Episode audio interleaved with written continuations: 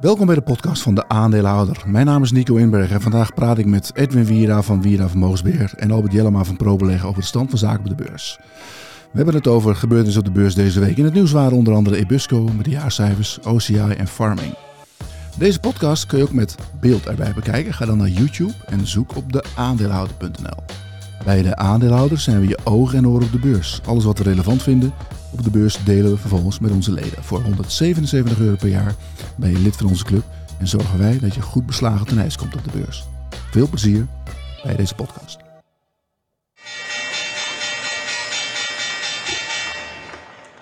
Goeiedag, welkom bij de podcast van de aandeelhouder. Het is vandaag donderdag 30 maart. Het eerste kwartaal zit er bijna op. Hoop te doen op de beurs. Best veel bedrijven die met uh, nieuws langskomen. Er gebeurt van alles en daar gaan we vandaag over praten met natuurlijk vaste sidekick Albert, Albert Jellema van ProBeleggen. Hij is er weer. En deze week Edwin Wiera van Wiera Vermogensbeheer. Zo is het. Edwin, leuk dat je er bent. Um, hoe ging het nou afgelopen week met, met die bankencrisis? Zeg maar? Word je dan veel gebeld door, door je, je klanten dat ze eruit willen? Of? Nee, heel weinig. Heel weinig. Willen ook niks doen? Nee, kijk, de, de, de, laatste jaren leert de ervaring eigenlijk dat heel veel beleggers natuurlijk al een aantal keer wat, wat, wat, wat, wat slechte momenten gehad hebben. Hè? Laten we het zo maar noemen dan. Hè? Corona of bankencrisis of andere dingen, maar constant weer. En elke keer blijkt dus weer dat uiteindelijk na relatief korte tijd vaak die markt weer herstellen. Ja. En ik denk dat beleggers daar ook onze klanten daar ja, tussen haakjes van geleerd hebben. Misschien een beetje aan gewend zijn geraakt. En uiteindelijk dus wel eens vertrouwen hebben. Dus ook na zo'n kleine bankencrisis die er al even was. Ja, dus gewoon rustig blijven zitten. En uh, soms zelfs nog wat bijkopen. En gewoon weer positief uit blijven kijken. Dus uh, relatieve rust bij ons. Ja. Oké. Albert, is dit, is dit zo'n zo'n correctie? Waar je zegt van nou, we hebben een correctie van 5, 6 procent en uh, we gaan weer verder? Of is er meer aan de hand bij de banken? Nou, het lijkt nu natuurlijk weer uh, wat rustiger te zijn. Hè. We hadden vorige week op uh, vrijdag was er zeg nog maar echt tumult. Hè. Deutsche was, Bank. Uh, was het Deutsche Bank. Hè. De Deutsche ja. Bank gaat op vrijdag altijd naar beneden, bij wijze van spreken. Ja. Dus toen was er nog heel veel druk. Maar ja, het lijkt nu, hè, vandaag, ook de, of vandaag de, was ook de ECB, die zei we zien eigenlijk heel beperkte uitvlow van deposito's mm. in, bij banken. banken herstellen wel een beetje. Maar nog niet echt overtuigend. Hè. Verzekeraars ook niet. En uh, Egon staat nu nog toch tegen die 4 aan te hikken. Komt toch van 4,80. Ja. Dus toch wel een, ja. een stuk eronder. Uh, maar ja, het kan zijn dat het stilte voor de storm is. Uh, of dat we op het verkeerde been worden gezet. Maar je krijgt een beetje het gevoel dat de, de rust wel een beetje wederkeert. Uh, alleen je ziet wel dat de, de beurs heel erg gedreven wordt door bepaalde tech-aandelen die het fantastisch doen. Ja. En aan de andere kant dat banken en verzekeraars, nou ja, hè, ze dalen niet meer, ze herstellen een klein beetje. Ja. Uh, dus ja, de, de, het kan schone schijn zijn, maar de, de, de rust lijkt wel, het lijkt Misschien ja. was het een storm in een glas water. Misschien. Misschien komen we met een schrikvraag. Maar je zag ja. wel duidelijk dat bijvoorbeeld, ik weet niet of jij veel een obligatie doet, Edwin, dat de, de, uh, ja, de fix van de obligatiemarkt, die staat echt sky high. Dus ja, daar, is, daar is echt onrust. Ja, nee, absoluut. Nee, kijk, je hebt dan, wat jij ook zegt, hè, de, de, de fix is eigenlijk de aandelenmarkt. En de move is dan hè, de obligatiemarkt. Ja. Hè, dus eigenlijk de fix van de, van de obligatiemarkt. Die staat sky high inderdaad. En dat komt denk ik met name omdat hè, toen, toen uh, uh, de Zwitserse bank uh, Credit Suisse gered ja. is, dus haakjes. Ja. Hè, toen zijn eigenlijk de obligatiehouders zijn de Pisa geworden. En de, die obligaties zijn afgeschreven, gewoon deels. Ja. en dat is zo'n verrassing. Maar dat, dat, is een unicum. Hè. Dat is eigenlijk bijna 100 jaar uh, bij wijze van spreken niet gebeurd. Want dat was nooit on, dat zou nooit gebeuren. En dat is nu wel gebeurd. En ik denk dat dat ook een groot gedeelte van die beweging in de obligatiemarkt verklaart. Dat mensen niet meer weten van ja, maar welke obligatie is nu wel achtergesteld en welke is niet achtergesteld. En wat kunnen banken nog wel doen als een crisis is met obligatiehouders. Ja, oké. Okay, nou goed. We gaan het zien. We hebben relatieve rust natuurlijk op de beurs nu. Dus het wil niet zeggen dat er niks gebeurt, want er zijn best veel bedrijven met, uh, met nieuws. Nou, Komt straks allemaal langs. AX 700 of 800? ik denk ja. 800. Jij denkt 800. Ja, natuurlijk. Ja? Altijd 800. Ja. Ik, ga, ik ga zondag zie je Kees Smit weer, als ik het red zondag. Ja. dan, uh, die zegt hem, 700. Dan zal ik ja, dat is sowieso. Maar dan zal ik zeggen, doe alvast petje 800. Ja, okay. Hij maakt altijd van die petjes met nummers erop. Dan kunnen we dat alvast zien. um, ja, maar wat ik wil zeggen, best veel bedrijven, daar gaan we straks over hebben. Wat komt langs? OCI, Corbion, Farming, Justice gaan we het over hebben. Avantium komt langs. Um, nou ja, nog een paar. Uh, Philips en Bayer. Gaan we het toch zo over hebben. Laten we beginnen echter met de verbazing van de week, jongens. Anders vergeet ik het weer. Albert, wat, wat heeft jou verbaasd deze week? Uh, Let op dat voetbal begint. De kwaliteit van het Nederlands elftal. Nou, dat was toch wel uh, tenenkrommend, vond ik, om naar te kijken. Ik, ik, heb ook eerlijk gezegd niet heel lang gekeken, nee. zeker niet. Dat was het aanzien niet waard. Dat was de aanzien niet waard. Dus toen, uh, ja, dat heeft me wel verbaasd dat... Ik wist niet dat het zo slecht was, eerlijk gezegd. Wiever was wel heel goed. Wie? Wiever. Wiever? Wiever? nee, die, Dus, die, eh, die is gewoon... Die eh, gaf het balletje steeds leuk door. Maar die is wat 15 miljoen meer waard geworden. Ja, maar wat voegde hij toe? Hij, hij kreeg een balletje, gaf een balletje aan Berghuis en die slingerde hem voor de goal. Dus ja, Ja, eh, Berghuis, bedoel, dit- dat lukt hem nou eens, en, en als je leuk meevoetbalt in het Nederlands elftal tegen Gibraltar, ja. ja, maar dan dan ben je die misschien jongens de eerste ben- Dan basisplaatsen, ben je, die, dan ben je een die kreeg gewoon alle ballen. En mij deed prima. Eh, maar dat heeft mij verbaasd. Alleen toen moest ik wel terugdenken aan dat WK. Toen dacht ik, nou, misschien is die van Gaal toch niet zo gek. Nee. Er is niemand mee van Heerenveen, hè? Was jullie keeper, die, die, Nee. eh, die Noppert? Wat is die? Ja, Norbert is geblesseerd, hè? Oh, En naar het de her- knoppen. het herstelde- De knoppert. Nou, nee, absoluut niet. was dat her- Floppert? Nou, nee, nee, nee, nee, zeker niet. Nee, dat niet. Nee, eh, geweldige keeper. En ja, helaas geblesseerd. En duurt allemaal iets langer dan we hadden gehoopt. Eh, dan, we, ja, dan we hadden gehoopt. Maar hij komt natuurlijk binnenkort weer terug in de basiselftal. En dan eh, kunnen we weer wat eh Ik goals... weet niet eh, of Koeman hem opstelt, denk je wel? nee, Koeman gaat hem niet meer opstellen. Nee, ik ik geloof niet dat Koeman dezelfde, eh, hetzelfde gevoel bij hem heeft dan eh Louis Vergaal had. Nee, denk ik ook niet. Nou, ik had hem sowieso nooit opgesteld, maar dat terzijde. Dat is eigenlijk. Goed. Nou, Bijlo wordt toch eerste keeper uiteindelijk. Ja, dat denk ik ook. Dat is, eh, Ja. De keeper van de kampioen, dus dat, dat lijkt me logisch. Van, Ehm, van welk jaar? Eh, Edwin, waar heb jij over verbaasd deze week? Ik heb me in eerste instantie verbaasd over eh, het ontslag of het opstappen van eh, het gedwongen opstappen van eh, Ralf Hamers in, eh, in Zwitserland, bij UBS. Ralphie. Eerst verbaasde me dat. Daarna heb ik natuurlijk wat analyses gelezen waarom hij weggaat. En toen, dat, die verbazing is omgeslagen in, in begrip. Ik begrijp het uiteindelijk wel. Ja. De bank zit in een zwaar vaarwater. De bank heeft behoefte aan eh, een andere koers dan de, de koers die Ralf Hamers was ingeslagen. De bank, eh, de Zwitserse overheid staat schijnbaar voor 100 miljard eh, garant. Dus die heeft liever dat een Zwitser eh, met een, aan het roer staat nu, denk ik, dan Ralf Hamers. En later begrijp ik nu ook wel een beetje dat, hè, dat het al een tijdje speelde. Dat ze eigenlijk misschien ook wel een beetje van Ralf Hamers af wilden. Eh, ik, ik las ergens zelfs dat er, dat er al afspraken waren dat in bepaalde vergaderingen Ralf Hamers het woord agile niet meer mocht Oh, God. gebruiken. En Ja. ja, ja dat uh, lean and mean, agile, al, scrub, hè, allemaal Ja. dat soort dingen, dat soort termen. Ja, dat is natuurlijk typisch Ralf Hamers. En misschien kun je achteraf stellen dat dat niet helemaal de juiste man was bij een, een degelijke Zwitserse bank. Eh, een beetje oude cultuur nog, een beetje formele cultuur. Die oude Dus, eh, baas komt nou terug, hè? Ermotti, ja. die is hij ook opgevolgd. Ja, die is in 2020 eh, weggegaan, dacht ik. Ja. Ja, dus die gaat nu de zaak een beetje... Een beetje ja, ik denk ook dat die... Dat die dat ze gewoon, het is ook natuurlijk voor die Zwitsers best wel een belangrijk iets, want ze staan Absoluut. voor het oog van de wereld. Ja, die staan natuurlijk gigantisch voor Joker. Ja. Een, van, een van hun banken daar echt een puinhoop van gemaakt is. Ja. Dat ze het nu, eh, en iedereen zat, ik hoorde ook dan afgelopen weekend dat alle centrale banken van, dat iedereen li- liep te pushen van jongens, je moet het regelen voordat Azië open gaat. ja, dat zal. Dat En zal. eh, dat kwam er echt wel op aan, inderdaad. Ja, wat, gaat die, eh, wat die Hamers doen, Albert? Hebben, eh, is er nog een functie elders voor hem? Je functie elders. Ja, voor Hamers. Ja, nee, ja, functie elders. Net als met, hoe heet hij ook alweer? Pieter. Met omzicht. Omzicht. Functie elders. Stond op het lijstje. nee, maar ja, eh, kijk, deze man die eh, krijgt denk ik een enorme sloot geld mee. Want hij had voor me nog 2,5 jaar contract. Eh, dus dat zullen ze allemaal wel respecteren. Ja. Dus ja, hij hoeft niet. Alleen volgens mij is het wel een man die graag niet alleen op zondag een rondje fietst door Blaricum. Maar dat hij ook wel... Graag eh, werkt. En kijken of we hem Eh, tegenkomen bij dus- Moeke. Dus, eh, dus er zal wel een, eh, Ja. echt wel weer een, een, denk ik, een functie voor hem komen. Of, of hij wordt natuurlijk commissaris bij verschillende bedrijven. Dus deze man die gaan we wel terugzien. Ja. En eh, medelijden hoeven we zeker niet met hem te hebben. Nee, maar toch wel, dat is zo'n zo'n hoge pief als je dan, ja, moet zeggen, het ego speelt toch ook wel vaak mee met die mensen. Ja, tuurlijk. Maar dit, Kunnen ze wel heel veel geld krijgen, maar ja, Ja, als je dit- een dit- 100 dit is, miljoen, eh, en 150. die eh, Ermotti eh, heet hij toch? Ja. die, hij moet nu twee banken in een potty, zeg maar. En, eh, Duo en Motti. Vangt in een potty. Dus ja, dat is toch Ja. dat de, er komt een, een echte Zwitser die dat, dat door en Ja. door kent, die, die, die er veel beter waarschijnlijk in Ja. staat is om twee van zulke soort bedrijven met heel veel Zwitsers samen te voegen. Ja, dan de Flying Dutchman, zeg maar, Ja. die, eh, die, die dat moet doen. Dus ik denk dat, dat, dat, dat, ik denk dat die smet, als je het zo zou willen noemen, dat dat wel meevalt. Ik denk dat ze gewoon dachten, die Zwitsers van nu hebben we geen tijd voor dat digitale gelul van die maar we gaan nu even de We gaan hier niet uh, jaar, we moeten allemaal weer naar Ja, kantoor. moet gewerkt Hè? worden. Zo is het. Ja. Alrighty, goed. Nou jongens, laten we kijken wat er... eh, Want er gebeurde best veel deze week. Mooie dingen ook. OCI, plus 15% Ja, die zagen we even niet aankomen natuurlijk. Was ook wel wat, wat eh, hard afgekomen, Albert. We hebben toen uit onszelf al gegooid, mooi op tijd. Maar hadden we er weer in moeten zetten? Of zeggen we nou...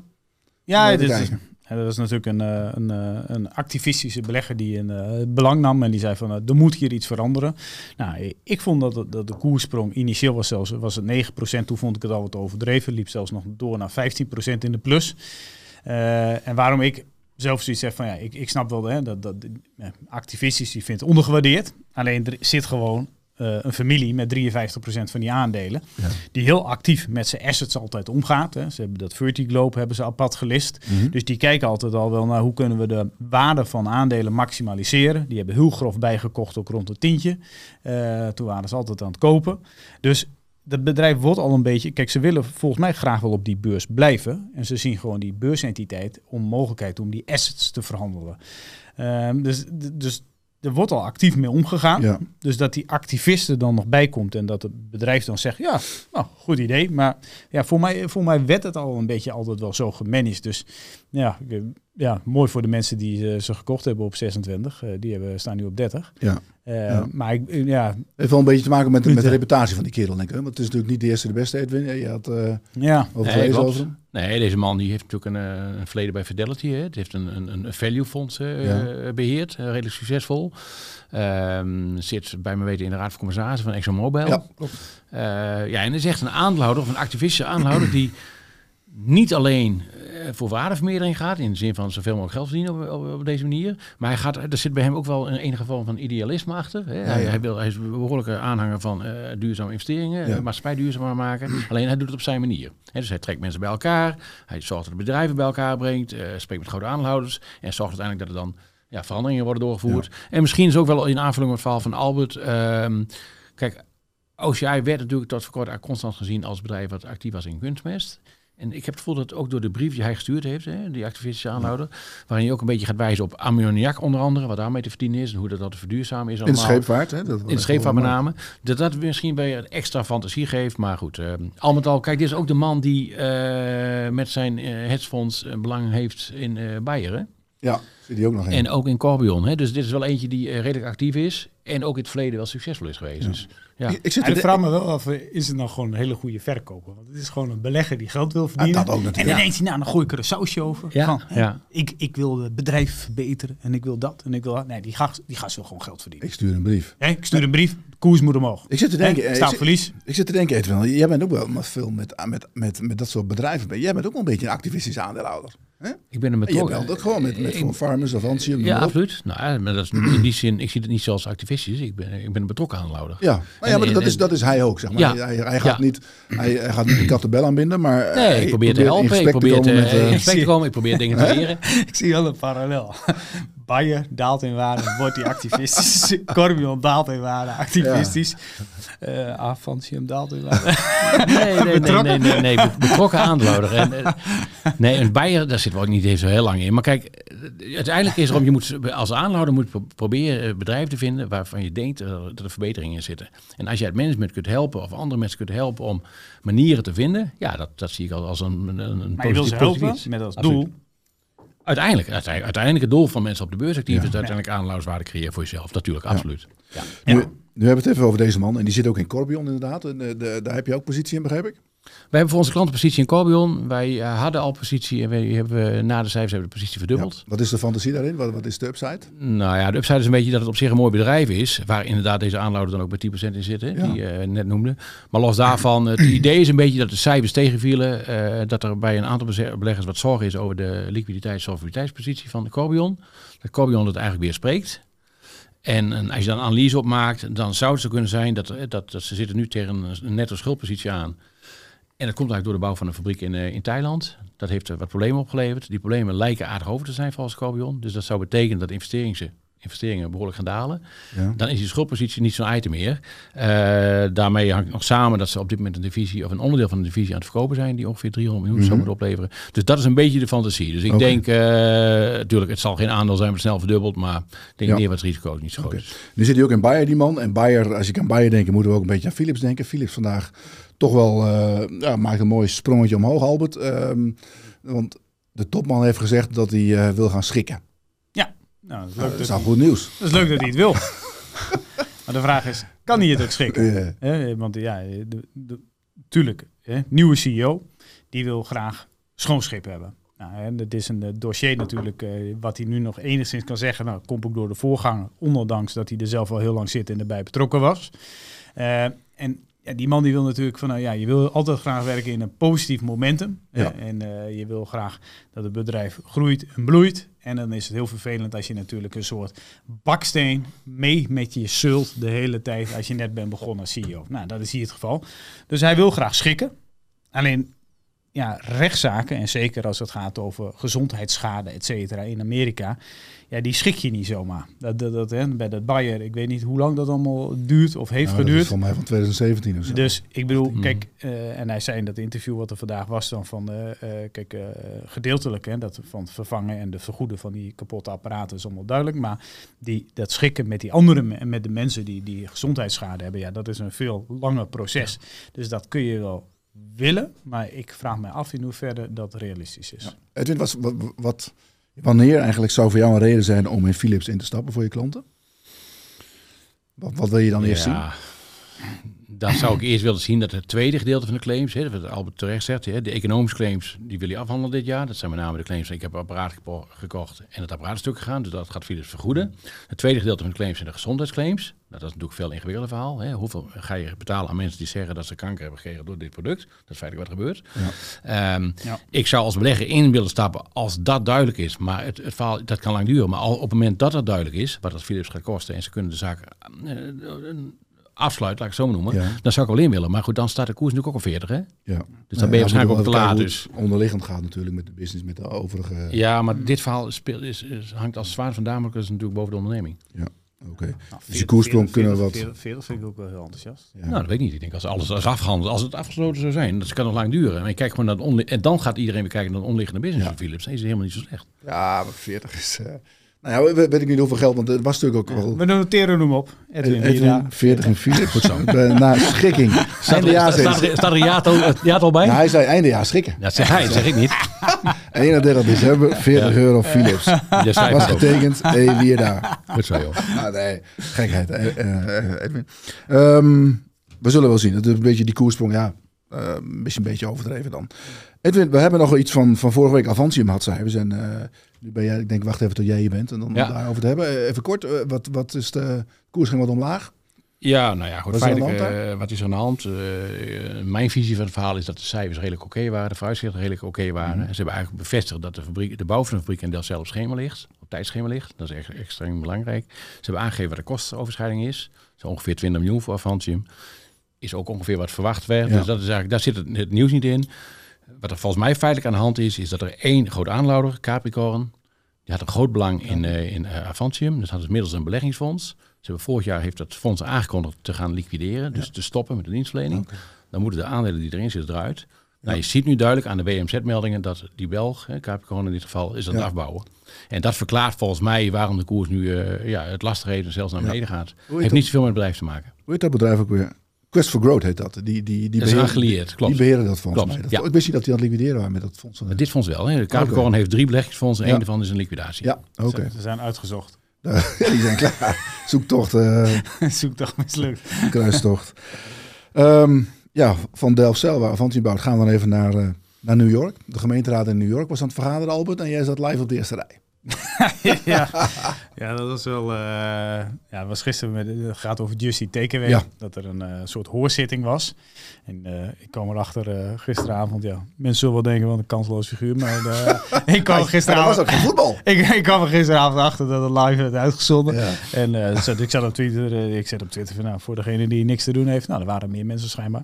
Dus één man, of één persoon dan, Seva Investing, zo'n Twitter-account. Die, die die, die, die zei letterlijk van, ik zal maar niet zeggen wat ik hiervan, moet, wat ik hiervan denk. Nou, ik zou, als ik het even moet zeggen, ja, het was echt kansloos. Ja. Dat is Ja? wel- ja, het was een beetje, hè, net als dat, eh, want daar zat Grubhub zat er en DoorDash. En dat is een beetje, nou, hè, als voorbeeld dan, hè, stel, eh, jij bent slager. En dan zeg je van, eh, dan zeg ik van, is dat een goed biefstukje?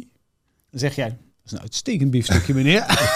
Albert is zoon van een slager vandaar. Vandaar, vandaar de vergelijking. Dus zo voelde het een beetje Ja, ja, ja. dat die Grubhub en die DoorDash, de medewerkers eh, van, eh, nou, nee, dat is natuurlijk u- uitstekend voor restaurants. Dat is allemaal perfect. En natuurlijk, hè, de restaurants krijgen meer mogelijkheden. Alleen, wat er ook altijd werd gezet, als deze regels eh, worden eh, aangepast, hè, met die fee caps, dan heeft uh, Justy Takeaway gezegd dat ze ongeveer 130 miljoen EBITDA kunnen opleveren. Misschien gaan ze gedeeltelijk herinvesteren, maar in ieder geval is dat de som die ze genoemd hebben. Dus ja, uh, de consument betaalt dat natuurlijk, maar ja. de vraag is, is dat nou voor iedereen even goed? Alleen daar ging dus die hoorzitting over en nu heeft iedereen 72 uur om weer daarop te reageren. En uh, ja, dan moet er op een gegeven moment gestemd worden. Wat de exacte tijdslijnen uh, zijn, weet ik niet. Alleen iedereen hoopt een beetje dat het voor de zomer beklonken is. Oké. Okay. Um, Albert Ebusco had, had nieuws deze week. Ja, klopt. Nieuws deze week. Koers liep in de loop der week wat op eigenlijk. Met cijfers wat omlaag. Ja. Vandaag weer boven een tientje, zag ik. Ja. wat is de, de... Ja, wat kunnen we daarvan zeggen? Ja, zo, mijn titel van mijn artikel van de bus heeft vertraging. Uh, Kun je wel leuke titels mee bedenken met bus. Je, je kunt met bus, hele busje komt zo, busje komt niet. Ja. Nee, het kan, kan van alles, maar dat is heel flauw. Nee, maar uh, wat het was, eh, er zat een behoorlijk groot gat tussen de omzet, eh, taxatie van analisten ja. en de gerapporteerde omzet. Um, en dat zit er denk ik ook een beetje in dat ehm, ze hebben gecommuniceerd een tijdje geleden van het aantal bussen wat ehm, bijdroeg aan de omzet.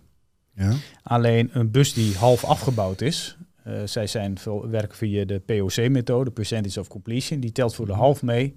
Uh, ja, ja, voor de helft mee. Omzet. Ja, dus en misschien er zat een gat, best wel een stevig gat tussen. Dus het kan ook zijn natuurlijk dat de, de gedachte bij sommige analisten was.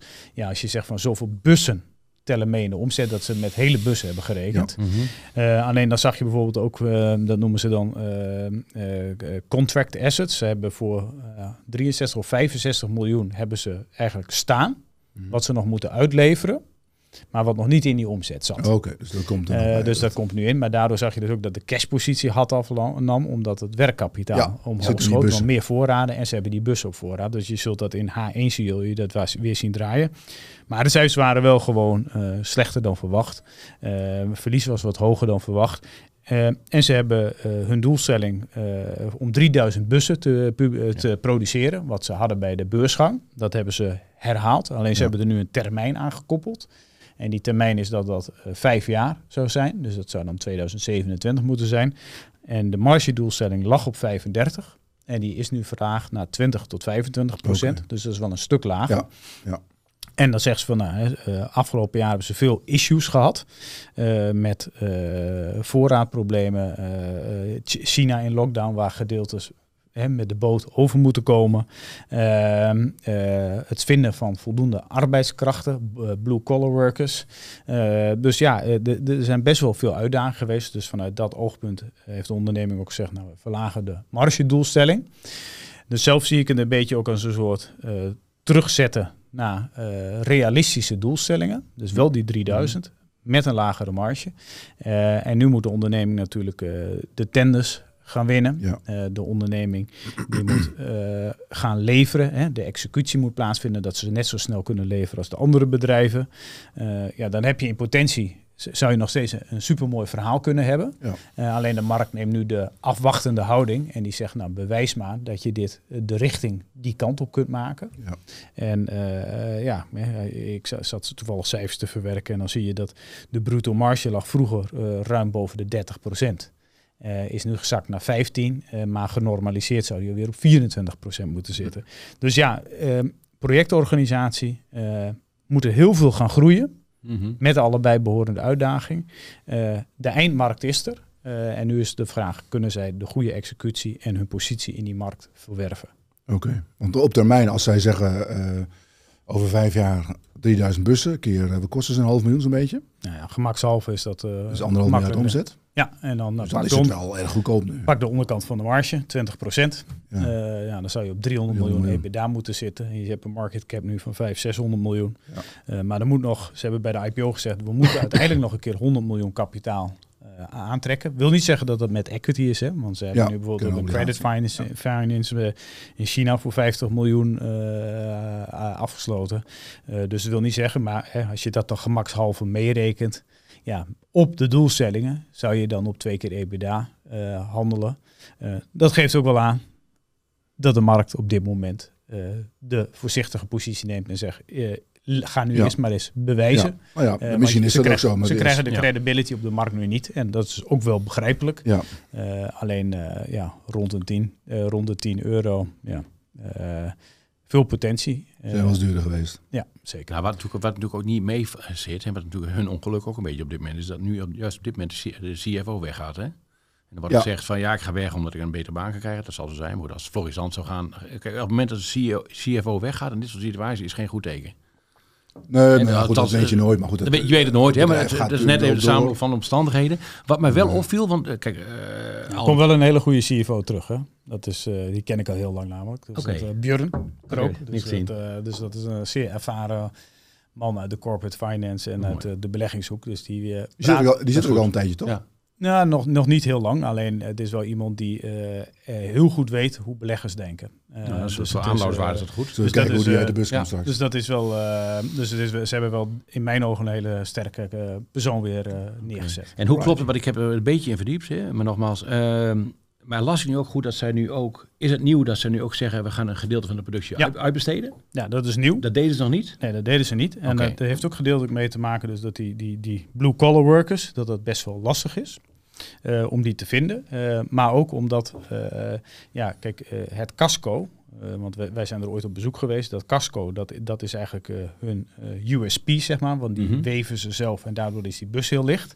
Ja. Alleen de assemblage, ja, dat, daar zijn gespecialiseerde bedrijven, bijvoorbeeld ook in veel lagere eh, lo- of in lagere Lage lonen lonen. landen in, in Oost-Europa, waar dat ook zou kunnen Ja, gebeuren. maar dat kan een enorm effect geven hè, op winstgevendheid. Hè? Want als je dingen uitbesteedt die niet- je kerntaken zijn... en aan de Ja. andere kant beter en efficiënter en sneller... dan Ja. dat zou een eh, plus Ja, kunnen zijn. Ja, Oké, maar dat is ook een beetje het, eh, het idee.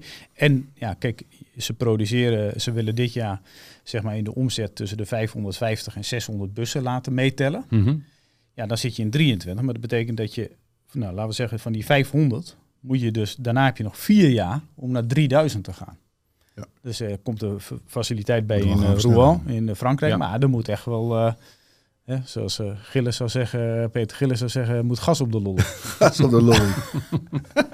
gas, eh, vol gas in die bussen. nou, we gaan het zien. Eh, er staat dit weekend in ons magazine uitgebreide analyse van Albert over Ebusco. Met nog wat extra dingen erbij. ook, Want het is ook wel leuk. Hè? Want ze hadden toevallig een, een, een opdracht voor eh, die energiecontainers. Ja. Dat is natuurlijk wel, wel apart iets. Ik wist Ja. helemaal niet dat ze dat soort dingen deden. Nou, daar- hebben we ook, eh, staat ook verder niet in het artikel, maar dat is wel, er kwam vorige week een opdrachtje, dat zij, eh, eh, of opdrachtje, ik dacht dat het een opdrachtje was, Ja. maar dat ze twintig van die eh, containers eh, gaan leveren met allemaal batterijen erin Ja. voor de binnenvaart. Wat denk je dat die kost, Edwin, zo'n zo'n container? En dat kost een bus. het is een hele container Een bus kost een ja, half vol miljoen. met batterijen. Denk je dat zo'n container dat die minder kost dan zo'n bus of meer?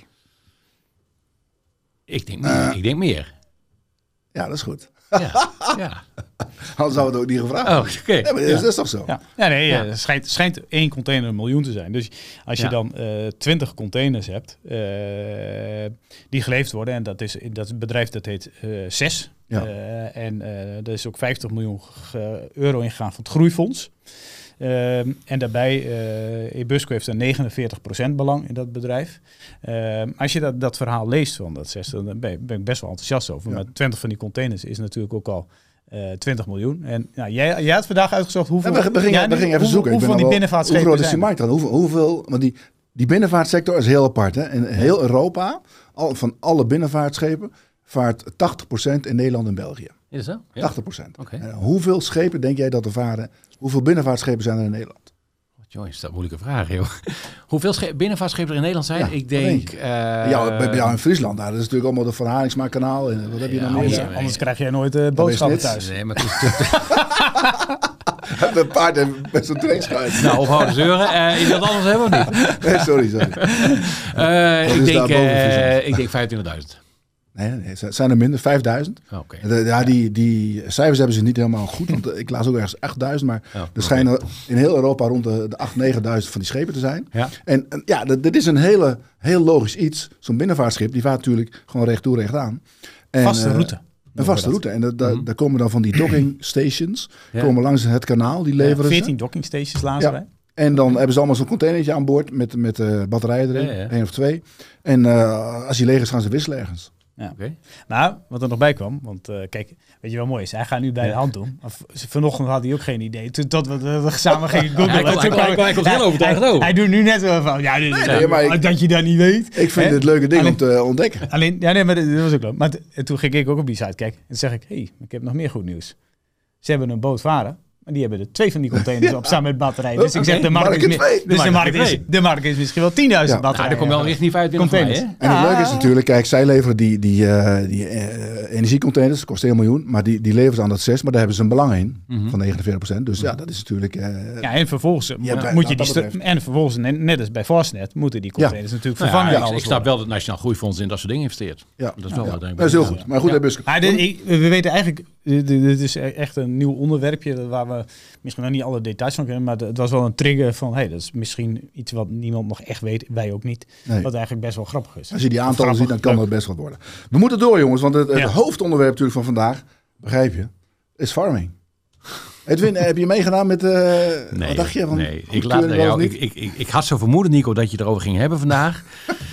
En ik heb je daar zoveel en, over eh, en ik, had, ik heb zelf, ik heb zelf te weinig kennis van dit bedrijf. Ik heb er ook niet echt in verdiept. Ik begrijp het niet helemaal. Ik weet dat er enorm, verwachtingen enorm hoog waren. Ik weet dat het uiteindelijk een beetje teleurstelt misschien. Het, het besluit was positief en de koersreactie viel tegen. Dus ik wil dit onderwerp even aan jou en eventueel Albert laten. Ja. Ja, ik zal wel vertellen, hè? kijk, Nico die heeft zijn nek behoorlijk uitgestoken Ja, nou, met hè, wat hij hier heeft gezegd. Dat is dus goed. afgelopen vrijdag zeg ik tegen Nico, ik zeg, joh, als dit nou misgaat, dan krijg je er best wel wat gedoe mee. Hij wilde mij een maand schorsen. Dus ik zei van, we kunnen ervoor kiezen. Je gaat een maand op non-actief. Oké. Hè? Maar ik zeg, om het leed een beetje te delen. Ik zeg, het handelt op een eurotje. Ik zeg, ik doe ook 10.000 van die dingen. Dus Ja. Ik zeg, dan voel ik een beetje met je mee als het misgaat. Dus dat was afgelopen vrijdag. Mooie timing. Dat is, eh, en eh, nou, dus vrijdagavond, ja, echt een enorm blij ei op de app en aan de telefoon. Heb je het gezien? Nee, ik, ik zeg, ik heb wel wat beters te doen op vrijdagavond. Ja. Ja, farming. Farming. Het is een euro. Ik zag het. Ja. En uh, nou ja, hè, we hebben er al we hebben best wel wat, wat effort in gestopt. Maar ik denk dat het mooi is als jij eens vertelt wat Ah, jij ik wil vindt, eigenlijk Nico. niet zo gek. We hebben het er vandaag over gehad met de leden. In de chatsessie uitgebreid uitgelegd. En dit weekend komt een updateje in, in het magazine. Maar het is, ja, de, de, de, ehm, die koers, die, dat, dat heel veel mensen, die hadden natuurlijk, ik zelf ook, hadden er meer van verwacht. Dus Ja. er is iets wat mensen tegenhoudt. Misschien dat ze denken van, ja, die, die patiëntengroep is te, te klein. Of te, moeten maar kijken. Het moet allemaal nog gebeuren. Ze moeten die patiënten opzoeken. Maar het is, wat, wat, wat ik met name, en dat wil ik hier ook wel even zeggen, wat me heel erg irriteert is dat mensen nog steeds een verkeerd beeld hebben van zo'n bedrijf. Want Ik hoor bijvoorbeeld op, op, op RTL en uh, waar was er nog meer Ja, in de krant stond. Ja, maar het is biotech, hè? het is wel risicovol. Zeg, ja, dat is het nou juist niet. Het is Ja. een farmaceut. Ze hebben twee producten, twee keer omzet. En ja, daar komt gewoon winst uit. Ja. Galapagos is een biotechbedrijf. Een biotechbedrijf die heeft een zak geld en een idee. En dat idee moet worden omgezet in omzet. Nou, eh, dan wordt dan wel of niet. Maar bij hun is het twee keer gelukt. Ze hebben twee medicijnen. Ze hebben twee medicijnen en natuurlijk, dat Rucones, dat, dat, is, ja, dat, eh, dat, gaat- dat gaat wel door. Er zit niet veel groei meer in, maar er is gewoon 200 miljoen elk jaar weer. En eh, ik begin er van de schuimbekken. En dat, dat, dit, dit gaat natuurlijk langzaam, maar dit kan op termijn wordt dit. hè. Als je nou die analistenrapporten leest. Kijk, niemand weet precies hoeveel van die patiënten er rondlopen met dit APDS. Maar ehm, het is, als iemand begint aan die medicijnen, moet hij dat zijn leven lang slikken. Maar heeft, heeft die CEO, hè, Simon de Vries, hè, die ken ik dan. Althans, in die zin, ik ken hem niet, maar ik ken hem uit de media. Dat is eigenlijk de man, Ja. hè, de man van Farming toch? Hè? Heeft hij na, na vrijdag ook nog, of misschien na maandag ook gereageerd? Over, in die zin, heeft hij ook Nou ja, zich zo- over de koers? Dat hij, Ja, nee, hij maar hij, zegt, niks- hij was? zegt niks over de koers natuurlijk. Natuurlijk Dat moet je nooit doen als CEO. Nee, ik denk, maar neem aan dat hij het ook wel wat, wat hoger had verwacht. Maar hij weet wel, kijk, farming is al, al, al afgelopen vijf jaar is het iedere keer. Hè, Daar hangt gewoon een soort ja, schaduw overheen. Heeft misschien te maken met aandelenuitgiftes van vroeger. Ja. Verleden, Dan moet hij ja. tegen vechten. Ja. Dus eh, zij moeten gewoon laten zien dat ze winst maken en winst draaien. En dan komt het vanzelf goed. Alleen, dat, we- dat kost tijd. Maar dan natuurlijk een beetje zitten te modelleren samen, eh, Nico en ik. Van, eh, hè, als je, ik spreek het elke keer verkeerd uit. Junja. Is dat goed zo? Joenja. Juenja. Eh, als je dat dan Give modelleert. me hope, Joanja, zegt het ook wel. Ja, oké. Maar dan, hè, je hebt die, die, die 1500, dan is 75% is onder de 12. Dan heb je de prijszetting in Amerika en buiten Amerika. Eh, maar dan heb je van nou, hoeveel pa- patiënten zijn er in, in kaart gebracht. Eh, hoeveel gaan uiteindelijk converteren. Hoeveel gaat uiteindelijk volledig verzekerd Mhm. worden. Mhm. Dus het staat te modelleren. En dan kom je wel op, eh, nou dan heb je dus nog tussen de 10 en de 20 procent zeg maar gaat aan royalties naar Novartis. Plus er moet nog 190 miljoen dollar aan Novartis worden betaald. Die 190 miljoen dollar is bijvoorbeeld niet duidelijk wat de triggerpunten zijn. Ja, het heeft met omzetniveaus te maken. Wanneer iets getriggerd wordt, ze betalen nu 10. Uh, dus als je modelleert, uh, ja, kwamen wij er wel uit van nou, dat we nog wel een stuk of 15, 20 vragen hebben om het goed te doen. Mm -hmm. uh, maar neem niet weg, ook als je die analistenrapporten bekijkt, van ja, 200 of 300 miljoen euro omzet. Hè, dat, dat is wel een bandbreedte waar je aan kunt denken als je niet al te agressief bent in je aannames. Als je heel agressief bent kun je hoog gaan zitten. Mm -hmm. Maar als je, als je dat doet, ja, Hè, twee rapporten, nou, 1,80 en een dikke 2 euro. En dat vond ik, vond ik qua omzetverwachting nog wel vond ik niet agressief ingestoken, nee, die, wat die, die mensen die, deden. Die Royal Bank of uh, Canada, die waren echt voorzichtig aan de omzet. Ja, maar aan de andere kant is het heel simpel. Ja, joh, als je op, eh, toen handel je op 1,10 of op 1,15. Als je 1,80 of 2 hebt, dan heb je gewoon een keiharde ja, kopenaanbeveling erop zitten. Ja. Uh, waarbij je natuurlijk ook gewoon, uh, als het bewezen wordt, kun je je discount rate verlagen, gaat je koersdoel omhoog. Dus zo zullen die mensen er ook wel naar kijken. ja, maar de tijd moet zijn werk doen. Hè? Als de feiten uiteindelijk de feiten zijn en die feiten komen uiteindelijk boven tafel, dan ben je uiteindelijk als belegger de winnaar. Je kunt nu ook belegger en nogmaals, ik heb geen positie, ik, ik heb er weinig stand van, maar je kunt als belegger natuurlijk wel profiteren. Ja. Op het moment dat nu die koers te laag zou zijn, en ja. je hebt gewoon de ja, feiten, nee, dat, dat komt vanzelf wel waarder. Het, dus, het is duidelijk, de goedkeuring is er. Dus ja. Nee, nu komt de rest, want uh, dat moet nog wel in Europa en Japan allemaal. Maar, maar de Amerikanen zijn vaak het strengst. Dit is ook een vriend van mij dan, die, die, die doet eigenlijk voornamelijk biotech uh, bedrijven. Die hebben ook een biochemicus en zelf in dienstfase, dus heel veel doen. En die zei ook wel van, uh, kijk, als je kijkt naar, uh, dat is een Zweeds bedrijf, die eigenlijk alleen maar dit soort mm. ja, speciale ziektes of kleine ziektes doet, zeg maar. Ja. Hè, want dat is dit. Ja. ja, dan handelen die wel op significant hogere waarderingen. Uh, alleen uh, wat ik niet weet, daarvoor zit ik niet goed in. Ik vraag me ook af, uh, ja, ze hebben nu twee medicijnen. ja, dit is nu klaar. Dus ja, wat, hè, wat, wat of is niet klaar, maar dit staat er nu. Ja. ja om echt een serieus farmaceut te worden, moeten er natuurlijk meerdere bij. Ja, de vraag is, is natuurlijk met, met Simon, die, ja, ja, wat is zijn ambitie? Hè? Zweefvliegen. Zweefvliegen. Ja, hij is ja. voorzitter van de Nederlandse Zweefvliegvereniging. Ja, dat is wel een risico voor het bedrijf. Dat zou kunnen. Ik bedoel, op andere nee, maar goed, dat, dat is een beetje, wat een beetje. Hij is 63. Want, gaan ze, gaan, want ja, uh, Junja, ja. uh, dat heeft uh, Joenja, ja. Joenja. drie jaar gekost uiteindelijk sinds ze ja, drieënhalf sinds het hebben overgenomen van de varts. Maar daarvoor ja, is het dus maar, al inderdaad. Ja, ja maar als je dus nu weer iets zulke, zulke dingen vindt, duurt weer drie, vier jaar. Ja, Dan, dan voor mij is hij 364 of zoiets, dus dan gaat hij naar 667. Dus ja. dat, en dat was ook een beetje de ambitie.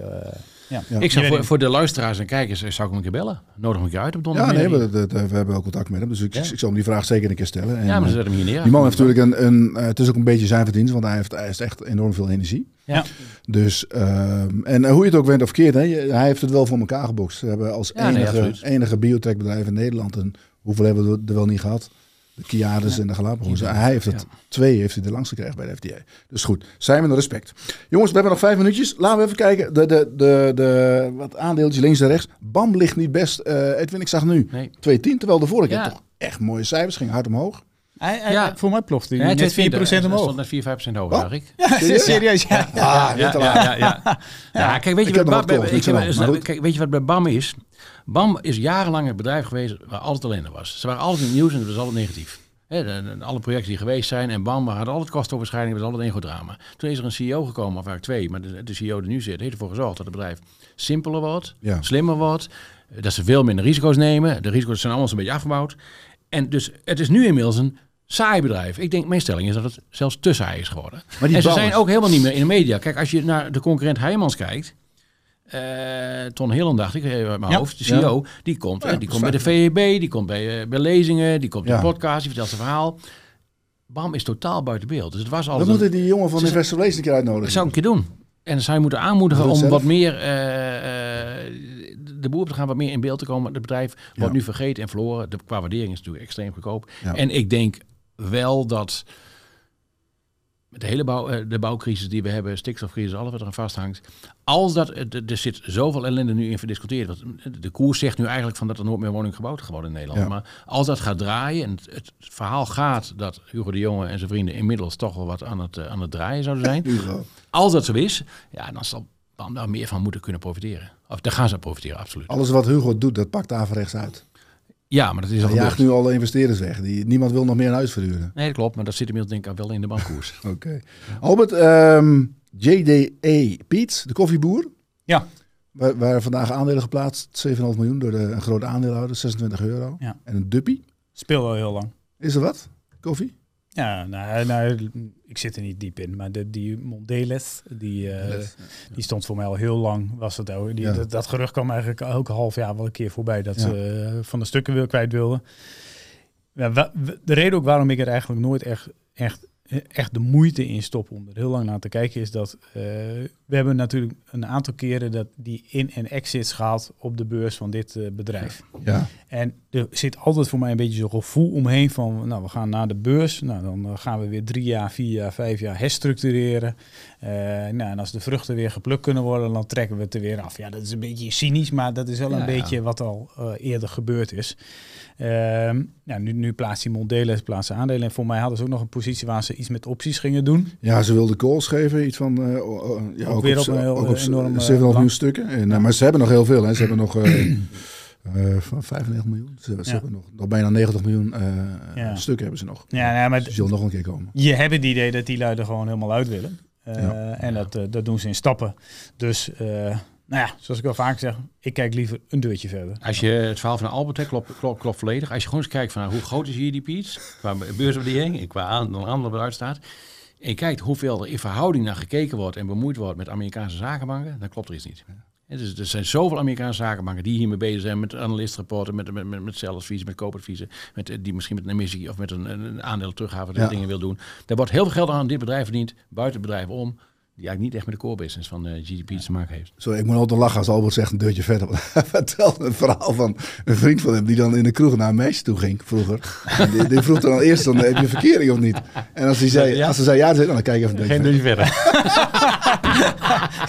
Ja, maar het is wel duidelijk. Ja, Old school. ja, ja, ja. ja. Ja, maar dat is, wel, dat is voor iedereen duidelijk. Dat soort meisjes ook niet daar tijd te verdoen. Maar nou begrijp ik ook niet. waarom je zo begint komen. Met dat Ja, hij een nee, deurtje verder zegt.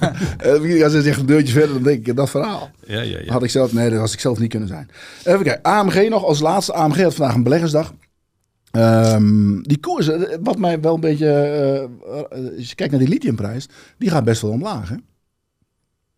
Ja. Ja, eh, klopt. we hebben geen, ja, we moeten dat nog uitwerken met die beleggers. We gaan er naar kijken, maar het, eh, hij had wel een goed verhaal, kennelijk Heinz. Het verhaal is goed, maar het is inderdaad eh, frappant inderdaad. Want eh, AMG wordt namelijk als het lithiumaandeel Ja. gezien door veel beleggers. Het is Ja. niet alleen lithium, maar zo'n Nee, ziet maakt het wel. En het is inderdaad eh, eh, correct wat je zegt. Het, eh, het verhaal van AMG vanochtend was goed. Maar als je naar de, de prijs van lithium kijkt de laatste weken, dat is, die is dramatisch gedaald. Ja, maar het is wel dat, hè, dat- kijk, eh, AMG is ook een bedrijf, waar we- eh, ze hebben verschillende activiteiten. eh, en eh, ja, de focus ligt heel erg op lithium. Maar hun aerospace activiteiten, die komen nu eindelijk weer terug. Nadat dat in corona heel lang niks heeft gedaan. Dus die Ja. laten een enorm Ja, herstel zien. Dus in de mix was dat eigenlijk onderschat in het verhaal. Eh, en ze hebben dan nog, dat noemen ze dan de specialty materials. Hè. Dat Voor Mhm. mij alles wat zij daarin hebben staan, staat op de EU-lijst als bijzonder. Ja. Eh, en daarvan hebben ze ook gezegd van, joh, eh, dat, ja, dat hebben we. Maar hè, als er geïnteresseerde partijen zijn... Ja. dus het bedrijf is wel bezig met een strategische herpositionering. Eh, en die lithiumactiviteiten van hun, die hebben altijd ten opzichte van pure lithiumspelers... nog niet eens op de helft gehandeld van die waardering. Nee. Dus, ja, eh, dus het, de, er is actie. eh, Ja. Alleen, ehm, ja, het is wel een stukje belofte maakt schuld. Want ze zouden natuurlijk dat lithium al veel eerder. Al want ze zeiden ze van, nou, we willen we misschien wel verkopen. Willen we misschien apart zetten. Kan er iemand participeren? Dus het is ook wel, eh, ja, nu lijkt het allemaal wel mm, concreter te worden. Maar ik denk ook dat als, de, de som der delen ligt wel significant hoger dan wat er nu staat. Alleen, ja, lukt het ze dit keer wel om een keer wat te executeren. eh, omdat het wel al wel lang eh, gezegd is. Dus, Ja, eh, Oké, nou, ja. nou we zullen zien. Ze hebben ook net een klein Duits bedrijfje ge- overgenomen, dacht ik, of een belang genomen. Wat, ja, ook komt nu weer een lijst met- in Oost-Europa. En dat was, maar dat zat ook weer iets bij dat je een bepaalde verhouding moest hebben met, met bepaalde inkomsten. Dat daar misschien ook wel een bepaalde strategische Ja, andere gedachte weer achter zat. De Europese Commissie die heeft een lijst opgesteld met, met kritische materialen. Die moeten dan, ja, ik weet niet hoe die mensen denken, maar dat komt nu allemaal uit eh, Ja. China en zo. En dan willen zij dat 10% uit Europa komt. Maar ja, als Ja. die in de grond zit, zit die niet in de grond. Ja, Zweden en zo zit wat, hè, maar dat is wat Ja. eh, andere problemen. Goed, dan moeten, daar zullen ze ook wel een klein beetje rekening mee houden. Goed. Het, is- ze, ze, ze bewegen, het lijkt er wel op dat ze bewegen, eh, A- Oké. AMG. Nou, we zullen het in de gaten houden. We zullen even goed eh, bestuderen dit weekend en dan komen we daar volgende week op terug. Eh, heren, we zijn aan het einde van de show. Dank voor je komst. Edwin, leuk dat je er weer was. Ja, graag gedaan. Zie je over een maandje weer. Succes met Heerenveen het weekend. Dankjewel. Albert, jij wat minder succes met Ajax. Nico, jij heel veel succes met Feyenoord. Ik gun het je van harte. En succes met je stem. Ja, die komt wel weer terug. Maar het is wel even lekker rustig. Hoef ik niet naar mezelf te luisteren. Mensen, bedankt voor het kijken en het luisteren. En volgende week zijn we er weer. Tot ziens.